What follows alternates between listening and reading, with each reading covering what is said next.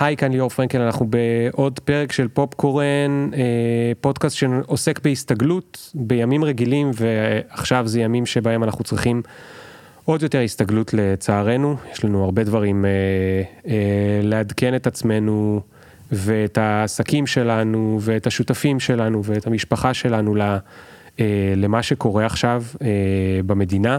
ואחרי כמה פרקים שמיוחדים לתקופה, הזמנו אה, מישהו שקצת יותר דומה לאורחים הרגילים של פופקורן אה, שלפני השבעה באוקטובר, אבל כן נדבר איתו על מה שקורה היום. אני מדבר על אה, גבי מיודובניק, הצלחתי להגיד את השם הזה כמו שצריך, שהוא נשיא ומנכ"ל נטפים, אה, שאנחנו כולנו מכירים בישראל, אבל לא כולם יודעים שהיא חברת ההשקיה המדייקת הגדולה בעולם. אנחנו נבין ממנו אחר כך מה זה אומר מדייקת, אבל בטח לא ידעתם שהיא אה, הגדולה בעולם. אה, ויש לה מלא חברות בנות והמון המון מפעלים, מתוכם גם שלושה מפעלים בקיבוצים בארץ, אה, יפתח חצרים ומגל. יפתח לא מזמן היה בחדשות, מה זה לא מזמן? אתמול שלשום היה בחדשות כי איזה נ"ט הגיע לשם זה, אז אנחנו גם נדבר איתו על איך זה לנהל עכשיו בארץ ישראל מפעלים, לא משהו כל כך פשוט. יש להם יותר מחמשת אלפים עובדים בכל העולם, יש להם לקוחות ביותר מ-110 מדינות, הם באמת עושים חיל. אה, גבי עובד הרבה שנים בנטפים בכל מיני אה, אה, תפקידים, אבל למנכ"לות הוא נכנס בתחילת הקורונה, בשנת 2020, מה שנקרא בתקופה שהיא אמנם לא קשוחה כמו עכשיו, אבל היא גם הייתה לא כל כך פשוטה, ולמי שלא זוכר, הסגר הראשון ב-2020 היה באמת תחושת סוף העולם, הגלובלי. כולם יצאו לחל"ת ופוטרו ולא ידעו מה יהיה עם הכלכלה, זה היה רגע לפני שגילינו קורלציה הפוכה בין הבורסה לקורונה, שזה היה מוזר בהמשך, אבל בהתחלה, בהתחלה, איך שמינו את גבי למנכ"ל, הוא בדיוק היה כשזה היה מאוד uh, מסובך. אז אנחנו נדבר איתו, נדבר איתו היום על איך מנהלים חברה ישראלית וחברה גלובלית, כי להרבה מהארגונים בארץ יש גם קשרים עם חבר'ה בחו"ל, וזה לא פשוט בתקופה הזאת, ואיך הוא מתכוון לצלוח את התקופה המאתגרת הזאת, מה הוא למד נגיד בקורונה, ואיך התובנות האלה עוזרות לו גם עם אה, החברה במלחמת חרבות אה, אה, ברזל. אז אה, נדבר על כל זה וגם שוב, נבין מה זה השקיה מדייקת על הדרך, אה, מה נטפים בדיוק עושה, ועל כל זה נתחיל בעוד שנייה.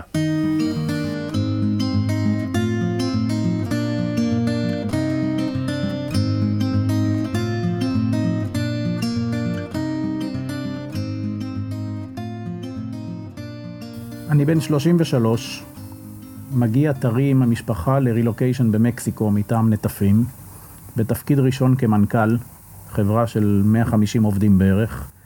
ואחרי כמה שבועות עושה ישיבת הנהלה מורחבת, להכיר קצת יותר את הצוות ולהכין את תוכנית העבודה לשנה שאחרי. ודיונים סוערים והרבה דעות לכיוונים שונים. ובאיזשהו שלב אני אומר לחבר'ה בעדינות שמאפיינת אותי בדרך כלל, חבר'ה אני רוצה להציע משהו, נראה לי שיהיה הרבה יותר טוב אם נעשה את הדיון הזה בצורה אחרת. אז מרים את היד אחד מהמדווחים שלי ואומר לי, גבי נראה לי שאתה לא הבנת משהו, אנחנו במקסיקו, אתה המנכ"ל, אתה לא מציע, פשוט תעשה וכולנו אחריך. אז זו הייתה הפעם הראשונה שהבנתי שגם נושא התרבויות זה משהו שצריך לקחת אותו בחשבון, כן. במקומות שונים בעולם. אז אתה יודע, בוא, בוא נתחיל רגע בנקודה ההיא, איך החבר'ה בחו"ל מגיבים למה שקורה בארץ, הם בכלל מבינים, הם, הם, איך מסבירים להם את זה? תראה, מתחיל, אני מניח שאתה מתייחס למה שקורה עכשיו עם המלחמה, אז החבר'ה בחו"ל יודעים, יש לנו עובדים ביותר מ-40 מדינות, חלקם הגדול הרבה שנים בנטפים, אז זה לא פעם ראשונה שהם רואים בחדשות טילים על ישראל ותגובות בעזה ואת הדברים שאנחנו רגילים מה-10-15 שנה האחרונות. כמובן שהפעם זה שונה מאוד מאוד. אמ, בימים הראשונים זה היה המון המון, מאות טלפונים ווואטסאפים ומיילים של מה שלומכם והכל בסדר ו- ומה קורה איתכם. המון אמפתיה והייתי אומר זה, זה התחלף אחרי כמה ימים כשהם ראו שאנחנו חוזרים לתפקד ואנשים עובדים, רובם עובדים כמעט כרגיל, זה, הייתי אומר שזה התחלף אפילו בסוג של הערצה, שהם הם יושבים איתנו בישיבות בזום או בטימס ורואים אותנו קמים לאזעקה וחוזרים, וכאילו הכל רגיל, והם אומרים לנו, איך אתם חיים ככה? זאת אומרת, איך אתם מתפקדים בכלל? אנחנו לא כן. מבינים איך אפשר לחיות ככה. אז הם מצד אחד ככה, ומצד שני הרבה מאוד הערכה ודאגה לאנשים שהם מכירים. וגם דאגה כמובן שהעסק ימשיך לתפקד, שזה מה שאנחנו מנסים לעשות כל הזמן. כן, כן. לשמור על יש, העובדים ולשמור על העסק. יש צוותים שהמנהלים יושבים בארץ והעובדים בחו"ל, או ההפך? יש, לא המון, אבל יש. יש מנהלים בחו"ל שיש להם עובדים בארץ, כמו שאמרת, ויש גם הפוך. זה לא המון. רוב העובדים בישראל, המנהלים שלהם בישראל. כן. אה, אבל יש עובדים בחו"ל שיש להם מנהלים מהארץ, זה כן קורה קצת יותר. והחבר'ה מרגישים שהם יודעים להסביר את עצמם, או... או... הדרכתם אותם בזה, או, או, או איך זאת אומרת, איך, איך, האם יש איזשהו אירוע שבו אתם אה, אומרים, חבר'ה, זו הדרך שבה אנחנו מדברים על המלחמה, או זאת אומרת, האם יש איזושהי הסברה שהיא מסודרת, או שפשוט אתם אומרים להם, אה, יש את החדשות ותגידו מה שאתם מבינים? לא, זו האופציה הראשונה שציינת, אה, די בהתחלה, בשבוע הראשון התחלנו לעשות ובקאסטים עם העובדים, בהתחלה כמובן בארץ, ואחר כך גם עם העובדים בחו"ל. התחלנו עם המנהלים, אחר כך עם העובדים, ובעיקר בוובקאסטים עם האנשים בחו"ל, עם המנהלים והעובדים בחו"ל, אז דאגנו להסביר בצורה מאוד מפורשת איך אנחנו רואים את הדברים. לא היה צורך, כל העובדים של נטפים לגמרי מזדהים ומבינים, אבל גם נתנו להם הסברים שהם יותר uh, fact-based ולא רק opinion-based. כדי שאם פונים אליהם הם יוכלו לתת mm. תשובות uh, על בסיס מה שאנחנו מכירים. להפך, קיבלנו מהם הרבה בקשות. תשלחו לנו חומר שנוכל להשתמש בו, אנחנו רוצים להיות השגרירים שלכם בעולם. כן. אז אנחנו עושים את זה בצורה זהירה, כי בסוף אתה לא רוצה גם ליצור אה, יותר מדי רעש אה, לעובדים, כן. או סכנה לעובדים שפתאום אנשים יתנכלו אליהם, אז אנחנו עושים את זה בעדינות. כן. אבל, אבל תגיד, אבל יש לא, את העניין הזה. זה לא שכל העובדים שלכם בחו"ל הם יהודיים. זאת אומרת, אתה יודע, יש הרבה חברות ש... ה headquarters שלהם בארץ, אתה יודע, הרבה פעמים נגיד בהייטק, ויש להם עובדים שגרים במקסיקו, בכל מיני מקומות, אבל זה לא אומר שהם ציוניים בהכרח, הם פשוט אה, מצאו חברה טובה, נגיד monday.com, חברה מצוינת, הם אמרו, טוב, אני אעבוד ב-monday.com, זה לא אומר שאני ציוני, ויכול להיות שפתאום המלחמה מעוררת אצלי כל מיני רגשות אה, הפוכים. אז גם אצלנו המצב דומה מבחינת העובדים, יש לנו עובדים בכל המדינות שבהם יש לנו חברות בנות, לא כולם בהכרח ציונים. אני חושב שרובם הגדול כן מזדהים עם ישראל, בגלל שההיכרות האישית עם אנשים שעובדים איתם מפה, בסוף עושה תיווך. זה לא אותו דבר לראות רק בחדשות ולהכיר אנשים באופן אישי. כן.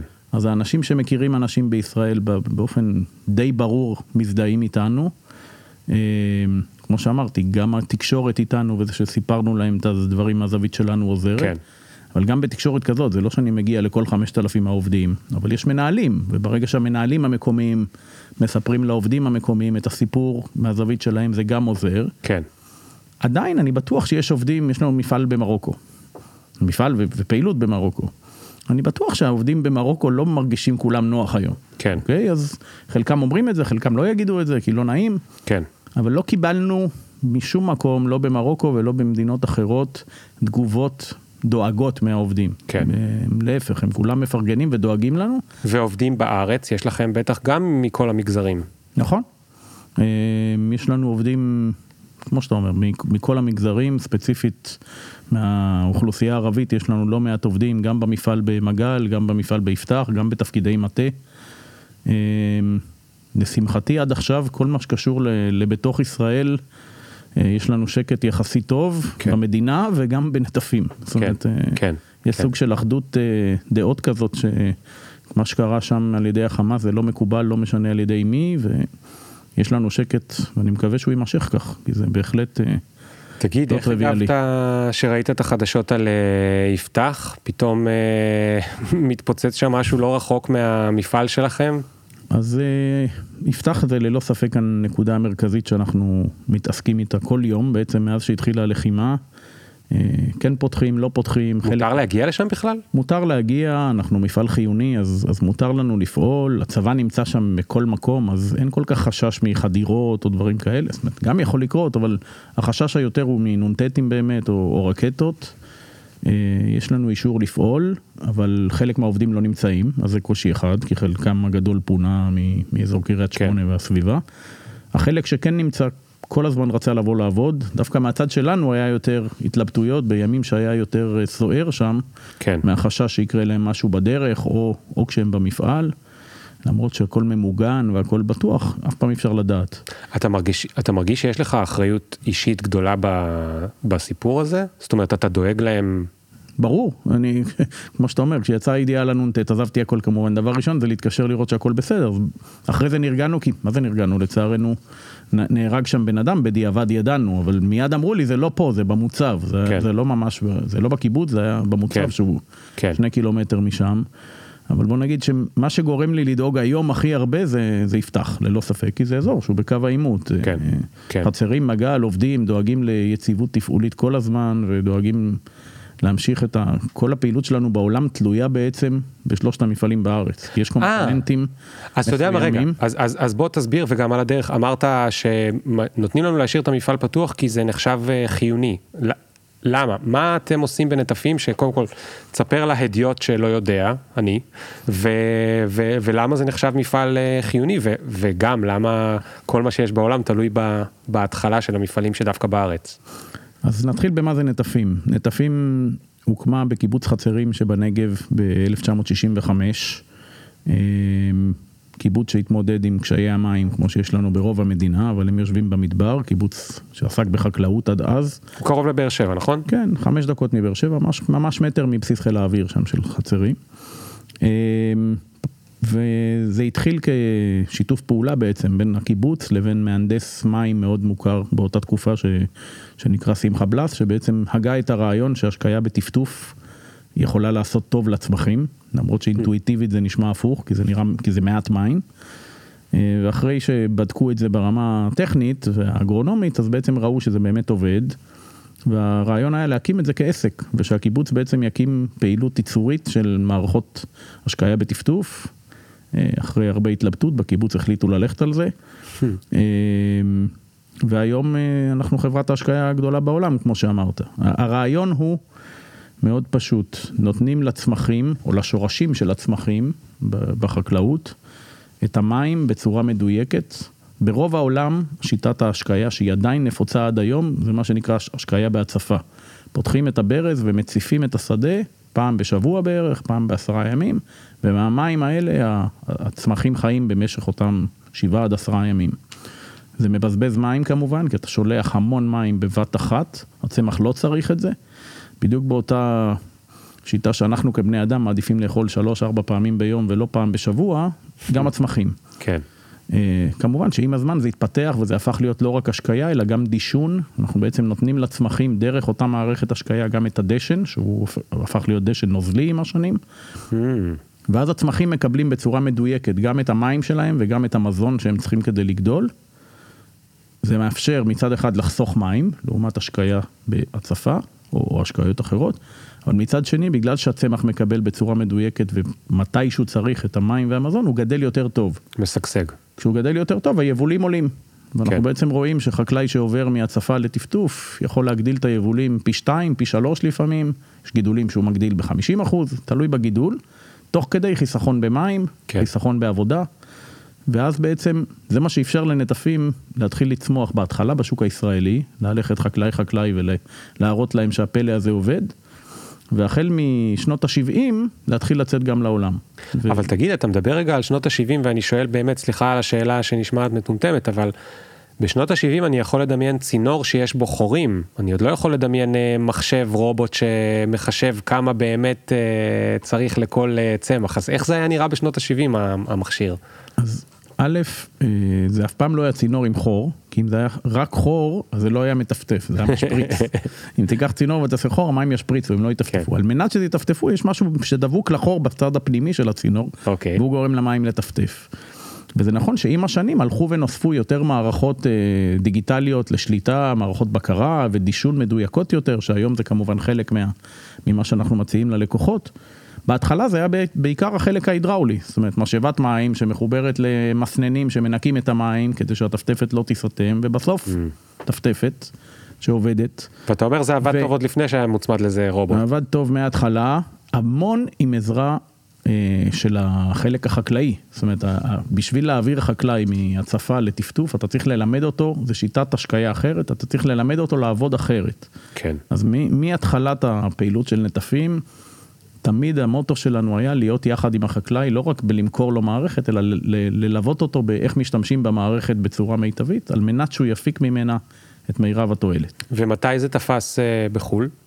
החל משנות ה-70 התחלנו, הפעילות היותר משמעותית התחילה, חברת הבת הראשונה שלנו בעצם הוקמה ב-1981 בארצות הברית, ומשם המשכנו מדינה... חברת מדינה בת זה בשביל הפצה? כן, מקומית? הפצה ובשלב מאוחר יותר גם ייצור מקומי. Mm, אוקיי. ופה אני מתחבר לנושא הייצור, אז הטפטפת שזה בעצם הפטנט הגדול, Mm. מיוצרת רק במפעלים בישראל. בכל המפעלים בישראל אנחנו מייצרים טפטפות, שולחים אותם מכאן בים, לפעמים באוויר, אבל בעיקר בים, למפעלים השונים בחו"ל. המפעלים השונים בחו"ל קונים חומר גלם, מייצרים ממנו צינור, שבתוך הצינור שמים את הטפטפות. וואו, אז רגע, אז זה, מה, זה בשביל שלא יעתיקו את הפטנט? במקור זה היה בשביל שלא יעתיקו, עד היום זה חלק מזה, והחלק השני זה שזה תהליך מאוד מאוד ייחודי ומסובך לביצוע, ולכן עדיף לרכז אותו במקום שבו יש added value כמו ישראל. כן, כן. אוקיי, אז, אז למה זה מפעל חיוני? למה זה נחשב מפעל חיוני? מפעל חיוני זה מטעמים של המדינה, שיצואנים גדולים בעצם יכולים לקבל, אה, בשביל לשמור על היציבות והחסינות אה, הכלכלית של המדינה שלנו בשעות משבר. יש מפעלים מסוימים, החל ממזון ודברים כאלה שזה לצרכים של מה שנאכל מחר בבוקר, אבל גם לצרכי יציבות של הכלכלה, אז בעצם אנחנו מקבלים אה, מעמד של מפעל חיוני, כי אנחנו יצואן משמעותי. וגם מחברים לזה את מה שקשור ל food security, כי בסוף בלי השקיה, בטח בישראל, אתה לא יכול לגדל מזון. כן, אז כן. משני הטעמים האלה יש לנו בעצם אישור מפעל חיוני. אגב, אבל- מה עם אבל- אה, ירדן? הרי ירדן, אנחנו אה, מביאים לשם הרבה מים, נכון? הם כן, גם אה, לקוח מקבלים של מים. אה, נטפים? יש לנו מעט מאוד מכירות בירדן, יש שם, יש שם איזושהי חברה מקומית שמייצרת, זה לא שוק גדול, נקרא לזה ככה בשבילנו. אה, אבל יש לנו מדי פעם פעילות שם. אבל חזרה לשאלה שלך קודם, אז האחריות האישית בהקשר של מפעל יפתח, זה, זה כל יום ההתלבטות הזאת בין ה...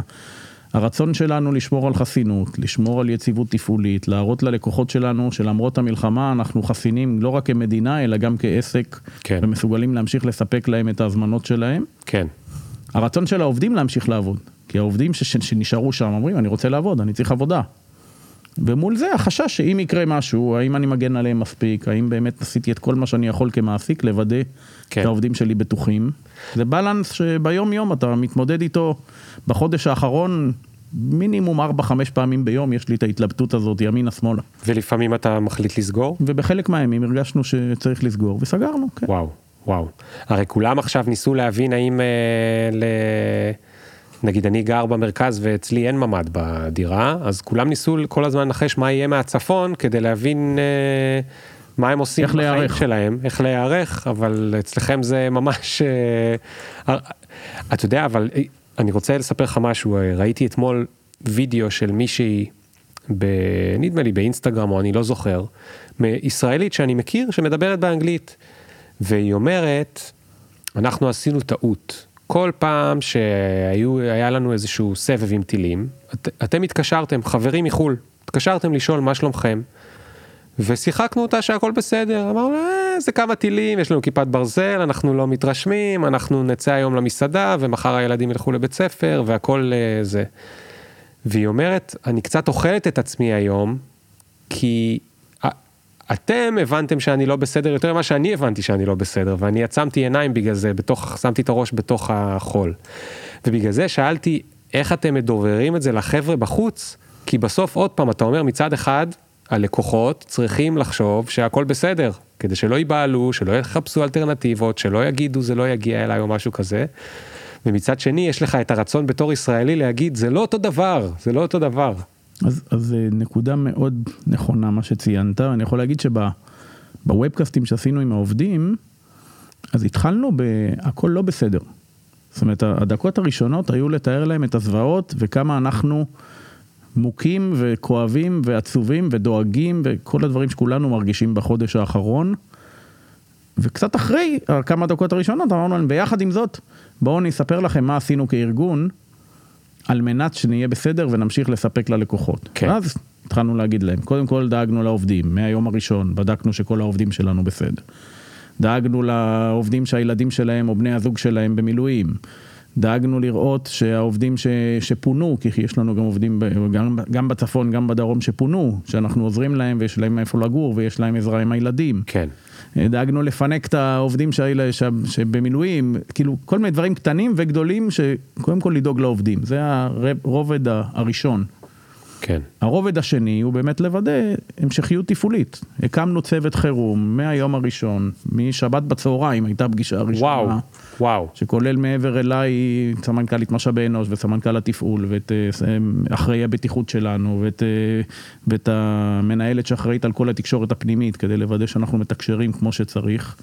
ועוד מישהי שהיא מנהלת האחריות החברתית, כי זה עוד רובד שעוד מעט אני אספר עליו, של איך אנחנו עוזרים לקהילות ולחקלאים, כן. חלק מה, מההתמודדות עכשיו. אנחנו נפגשים פעמיים ביום כדי לעבור על כל הדברים שקורים, החל מהתפעול והאנשים וכל הדברים האלה, ומקבלים החלטות, זה לא מצב רגיל. אז זה זה, לא יכול- אז זה ממש חמ"ל שהוא פעמיים ביום אה, נפגש. כן, אז ו- עכשיו, אחרי שבועיים, כבר הורדנו את זה לפעם ביום, אבל, כן, כן. אבל בשבועיים הראשונים, פעמיים הקבינט ביום, שלכם. כן, סוג עכשיו של תגיד- קבינט מצומצם תקרא לו, כן. עכשיו, אתה אומר לי שבת בצהריים, ואני לא יכול לחשוב או לשאול, האם זה לא גם בזכות הקורונה, המהירות תגובה הזאת?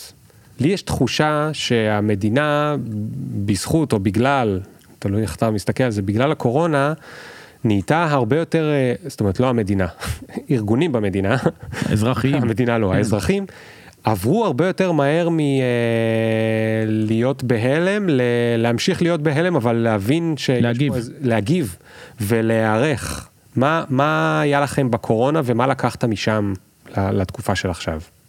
אז כמו שציינת בהתחלה, אני נכנסתי לתפקיד בעצם יחד עם הקורונה, בתחילת מרץ 2020. הימים הראשונים שלי בתפקיד באופן רשמי היו הימים שכבר הייתי בבידוד, כי חזרתי בדיוק מחו"ל כמה ימים לפני, זה היה בתקופה שאמרו לנו, כל מי שחזר שבועיים אחורה צריך להיכנס לבידוד רטרואקטיבי וכל הדברים האלה.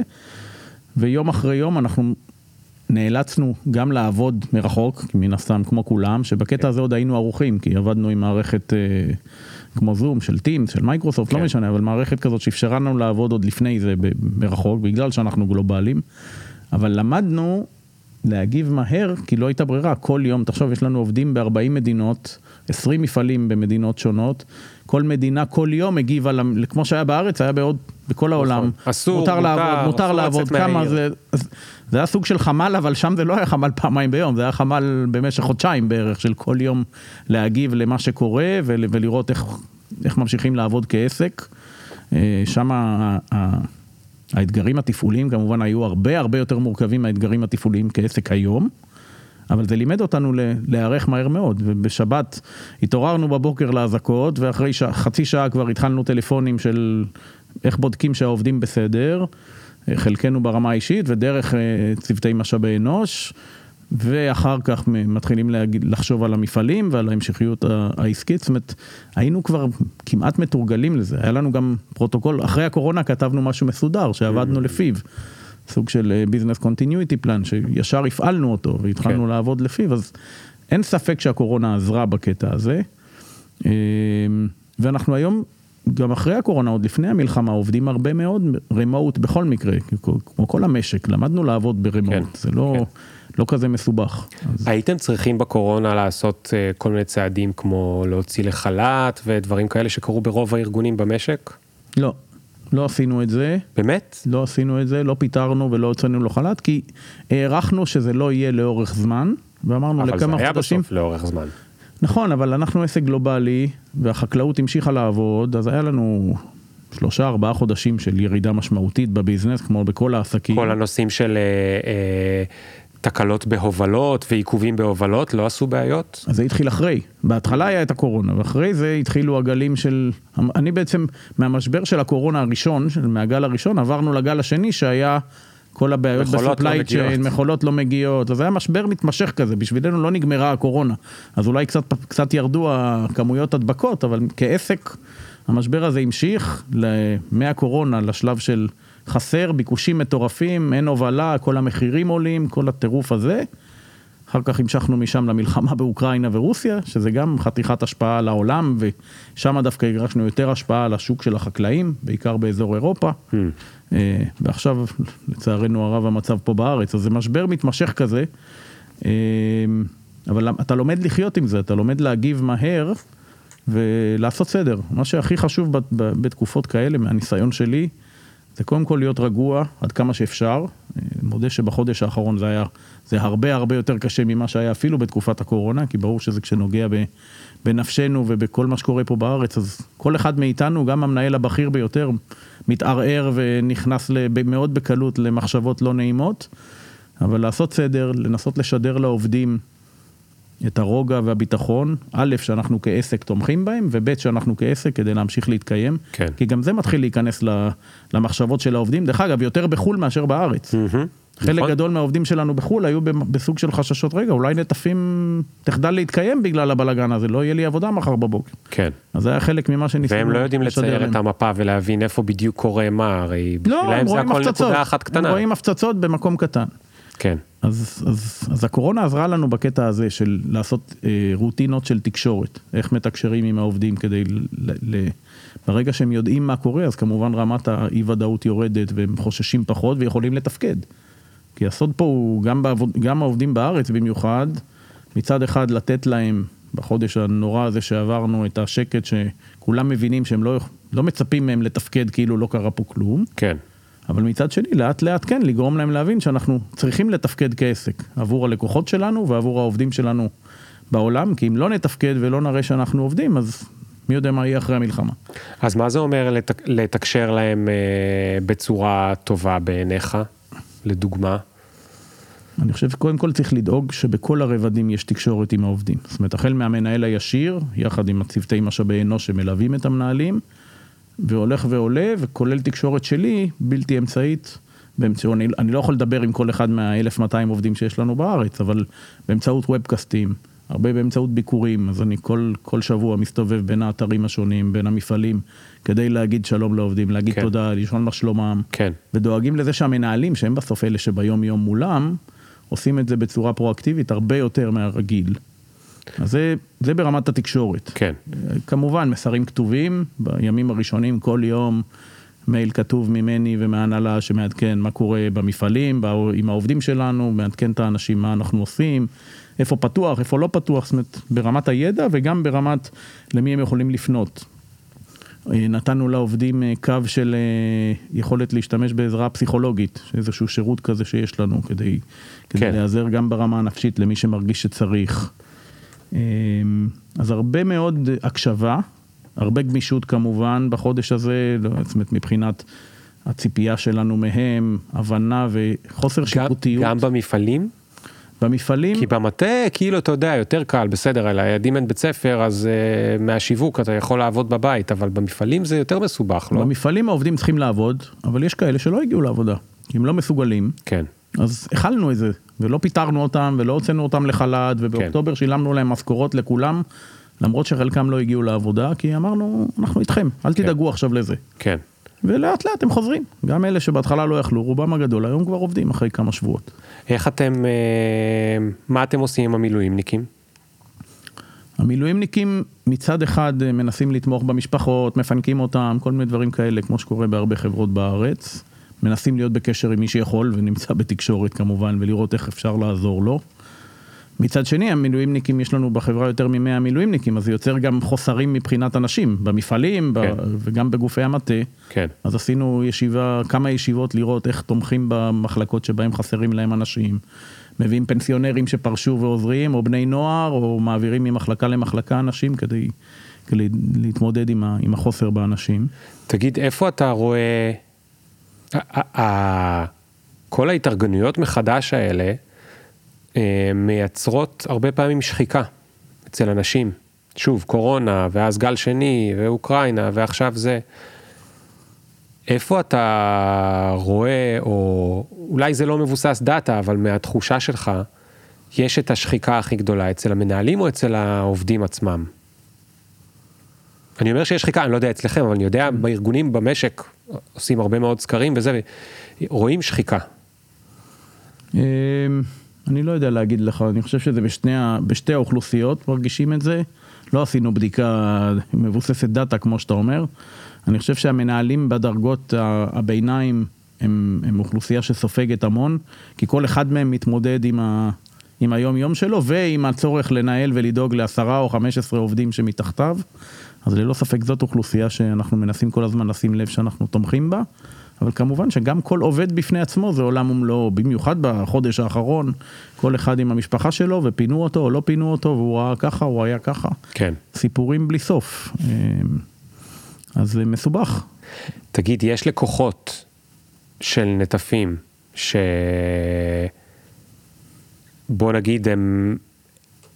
דיברת על זה שיש עובדים שחוששים על העבודה שלהם ואנחנו יודעים שבאמת זו אחת הבעיות הכי גדולות עכשיו במשק, זאת אומרת דווקא יכול להיות שהישראלים אצלכם פחות כי הם ראו שבקורונה אתם אה, חסונים אבל בחו"ל אולי הם מפחדים, אבל מה עם הלקוחות? האם הלקוחות אומרים אה, מה אני צריך עכשיו עסקים עם אה, ישראל?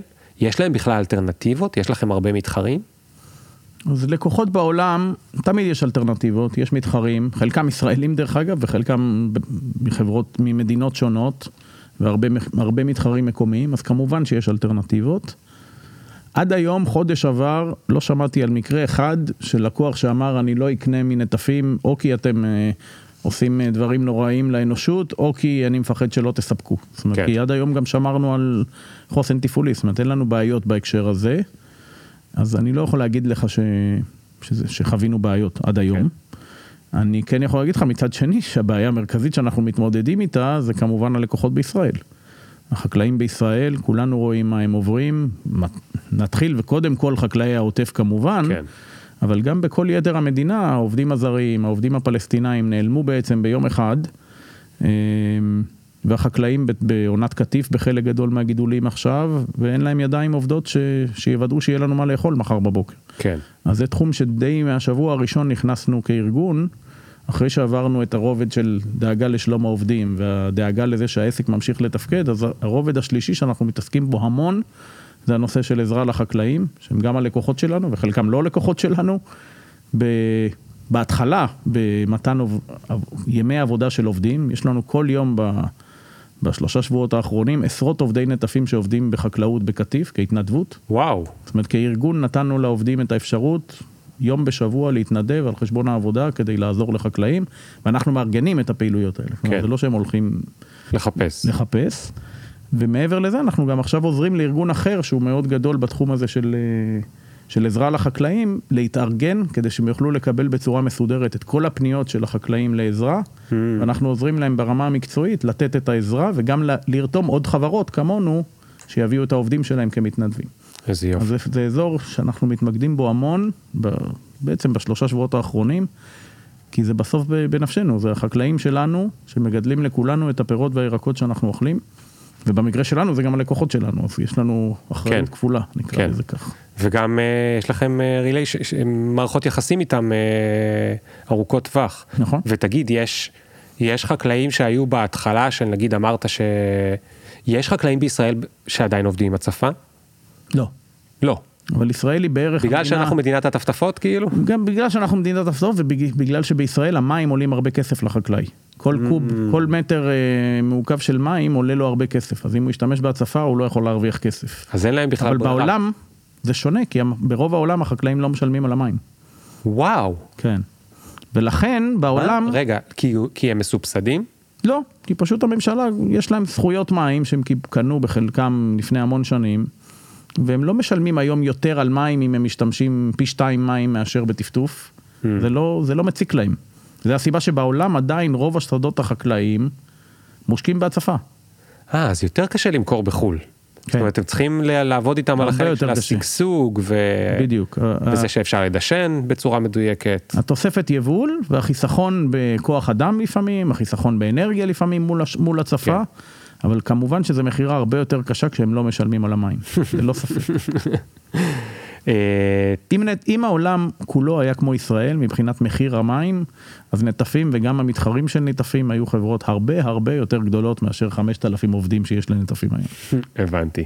בוא אה, לקראת סיום ת, תעזור לי להיות אופטימי, שזה משהו שקשה לי להיות ב, בימים האלה, ובוא נגיד עוד כמה דברים על העתיד של אה, נטפים והמוצרים שלה, ואו בכלל החקלאות הישראלית וההצלחה שיכולה להיות לה גלובלית. אה, כי אני באמת הדיוט, אני יודע שהחקלאות הישראלית היא עושה כל מיני דברים פורצי דרך, אבל אני לא יודע מה הם. אז ת, תן לי קצת אופטימיות.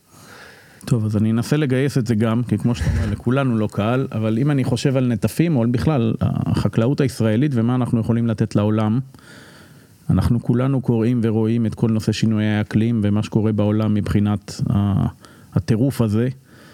העולם צריך יותר ויותר פתרונות של חקלאות מדויקת, אה, שזה מה שאנחנו עושים ב-58 שנים האחרונות. אה, כמובן שהיום זה כולל הרבה יותר אה, אמצעים דיגיטליים ושימוש ב, באמצעי artificial intelligence וכולי, כדי לדייק עוד יותר את ההמלצות לחקלאי ואת כל הפלטפורמות שהוא יכול להשתמש בהן. אבל העולם מבין יותר ויותר היום שהוא לא יכול להסתמך על הגשם כמו פעם, או על השקיה בהצפה כמו פעם. ולכן, אם אני מסתכל על העתיד של לפחות התעשייה שאנחנו נמצאים בה, אין לי ספק שהתעשייה הזאת תלך ותגדל השנ... בשנים הבאות, כי יותר ויותר חקלאים יבינו שזאת הדרך להתמודד, ולא רק חקלאים, גם המדינות וגם הבנק העולמי וגם כל הארגונים האלה שמסתכלים על הביטחון התזונתי קדימה, מבינים היום יותר מפעם ש-sustainable agriculture זה לא משהו שנחמד לשים אותו ב- בדוחות כספיים או בכל מיני אתרי אינטרנט של חברות, אלא שזה באמת בנפשנו על מנת שבעוד 30 שנה יהיה מזון בעולם הזה. כן. אז זה, זה מבחינת החזון קדימה, ולישראל כמובילה בעולמות האלה של טיפול במים, של טפטוף והשקיה מדויקת, של חקלאות, אה, דיג, מה שאנחנו קוראים digital farming, כל הפלטפורמות והסטארט-אפים שעוסקים בתחום הזה, יש עדיין המון מה להציע, המון מדינות שרוצות לקבל את הידע הזה, ויש לנו brand name מאוד חזק, כמו שיש לנו בהייטק, יש לנו גם בחקלאות. ו... ובהקשר הזה אני לגמרי אופטימי. כולנו מקווים שגם בהקשרים האחרים בקרוב נהיה יותר אופטימיים של מה שקורה במדינה, כן. אבל בהקשר הזה אין לי ספק שהעתיד עוד לפנינו, וכמו שאמרתי, רוב החקלאים בעולם עדיין לא משקים בצורה מדויקת. כן. הפוטנציאל הוא עצום. טוב, גבי, תודה רבה רבה. מה שנקרא educated me, לימדת אותי דברים אה, שאני מתבייש שלא ידעתי קודם על הזה, ובאמת אנחנו לא סתם נהיינו ארץ הטפטפות, זה בזכות אה, החברה שלכם אה, שהייתה חלוצה. אה, וזהו, שנדע ימים יותר טובים, ואני מקווה שלא תצטרך להיות עסוק בהאם לפתוח או לא את המפעל שלך ויפתח. אה, ותודה רבה. תודה לך ליאור, ונקווה באמת שמהר מאוד נדבר על דברים יותר מעניינים ויותר נעימים בעיקר. כן, ביי ביי, תודה. יהיה סוף טוב